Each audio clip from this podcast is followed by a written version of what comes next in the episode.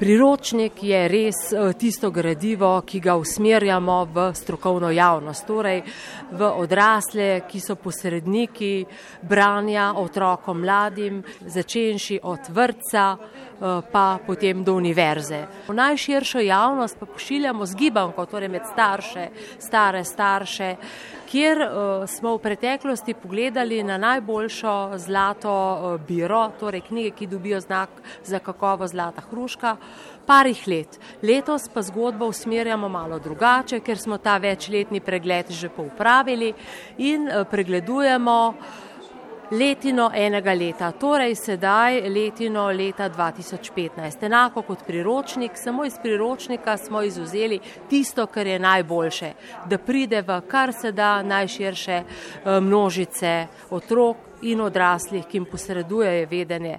Kajti veste, produkcija knjig je ogromna, zdaj na srečo opažamo, da se umirja, ampak vendarle, kako se znajti v poplavi knjig, kako izbrati dobre, zelo dobre in odlične. In tukaj mislim, da naš priročnik svetilnik opravi to vlogo edini pač v slovenskem prostoru. Na kaj naj bomo starši torej skozi uporabo tega priročnika oziroma brošure pozorni? Brošuro se da tudi prek spleta dobiti oziroma kje informacije dobimo? Mi smo to promocijo dobrega, kakovosti zlate hruške tudi udejanjili čisto praktično. Z nalepkami, za katere smo zelo veseli, da jih že opažamo po širšem slovenskem prostoru, torej po šolskih knjižnicah, po mladinskih oddelkih splošnih knjižnic, tudi po knjigarnah že. Skratka, kot znak dobra igrača, tudi zlata hruška, ki se sveti na naslovnici knjige.